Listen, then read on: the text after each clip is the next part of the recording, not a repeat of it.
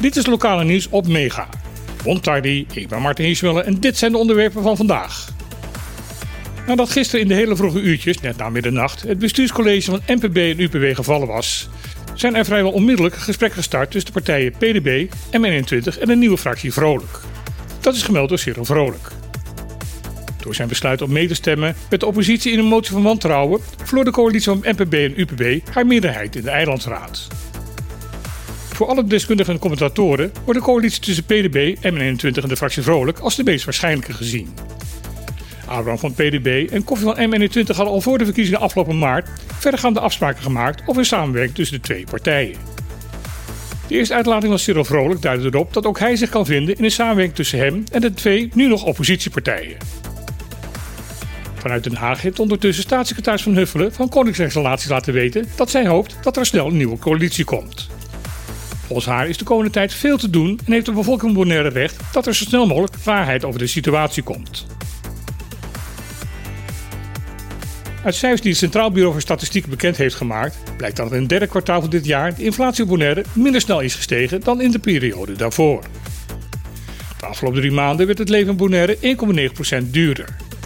In het tweede kwartaal van dit jaar was dat nog 4,6%.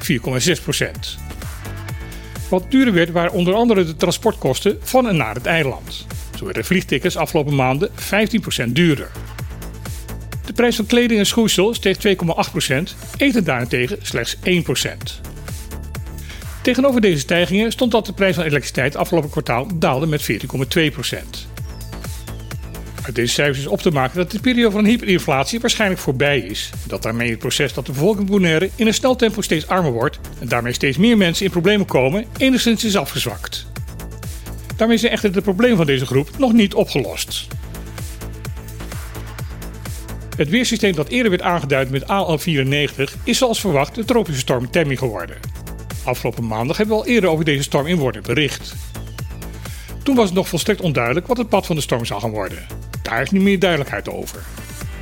Het depressiegebied is op dit moment opeens een scherpe bocht naar het noorden aan het maken. Daardoor zal het systeem waarschijnlijk net niet de Caribische Zee gaan bereiken. Wel zal het centrum van de storm, naar verwachting zondag, Sint Maarten op minder dan 100 kilometer gaan passeren. Tegen die tijd zal Temi zijn uitgegroeid tot een orkaan. De passage zal waarschijnlijk gepaard gaan met hevige buien, onweer en overstromingen. De meteorologische dienst van Sint Maarten waarschuwt daarom de bevolking van Sint Maarten, Statia en Saba om waakzaam en voorzichtig te zijn. De kosten die nodig geacht worden om een goede kinderopvang te kunnen garanderen, lijkt bij de verschillende kinderopvangorganisaties in Caribisch Nederland sterk uiteen te lopen. Dat blijkt uit een onderzoek dat is uitgevoerd door het Economisch Bureau Amsterdam in opdracht van het ministerie van Sociale Zaken en Werkgelegenheid. Uit het onderzoek blijkt dat de verschillen in onkosten vooral worden veroorzaakt door grote verschillen in de salariskosten. Dit is mogelijk omdat momenteel iedere organisatie zelf mag bepalen hoeveel kinderen worden opgevangen per professionele begeleider. Daarnaast zijn er geen regels gesteld over het inhuren van arbeidskrachten voor bijvoorbeeld schoonmaak, koken en onderhoud. EWA concludeert dat door deze verschillen bij veel organisaties de voedingen vanuit SZW en de ouderbijdrage niet kostendekkend zijn. Het onderzoeksbureau adviseert daarom om tot duidelijke normeringen te komen en haast te maken met het tot stand komen van een CO voor de kinderopvang. Dit was weer het lokale nieuws op Mega. Wil je dit terugluisteren, kan dat via de podcast MHFM Lokaal Nieuws. Ik wens iedereen een mooie en kostenarme dag toe en dan heel graag weer. Tot morgen!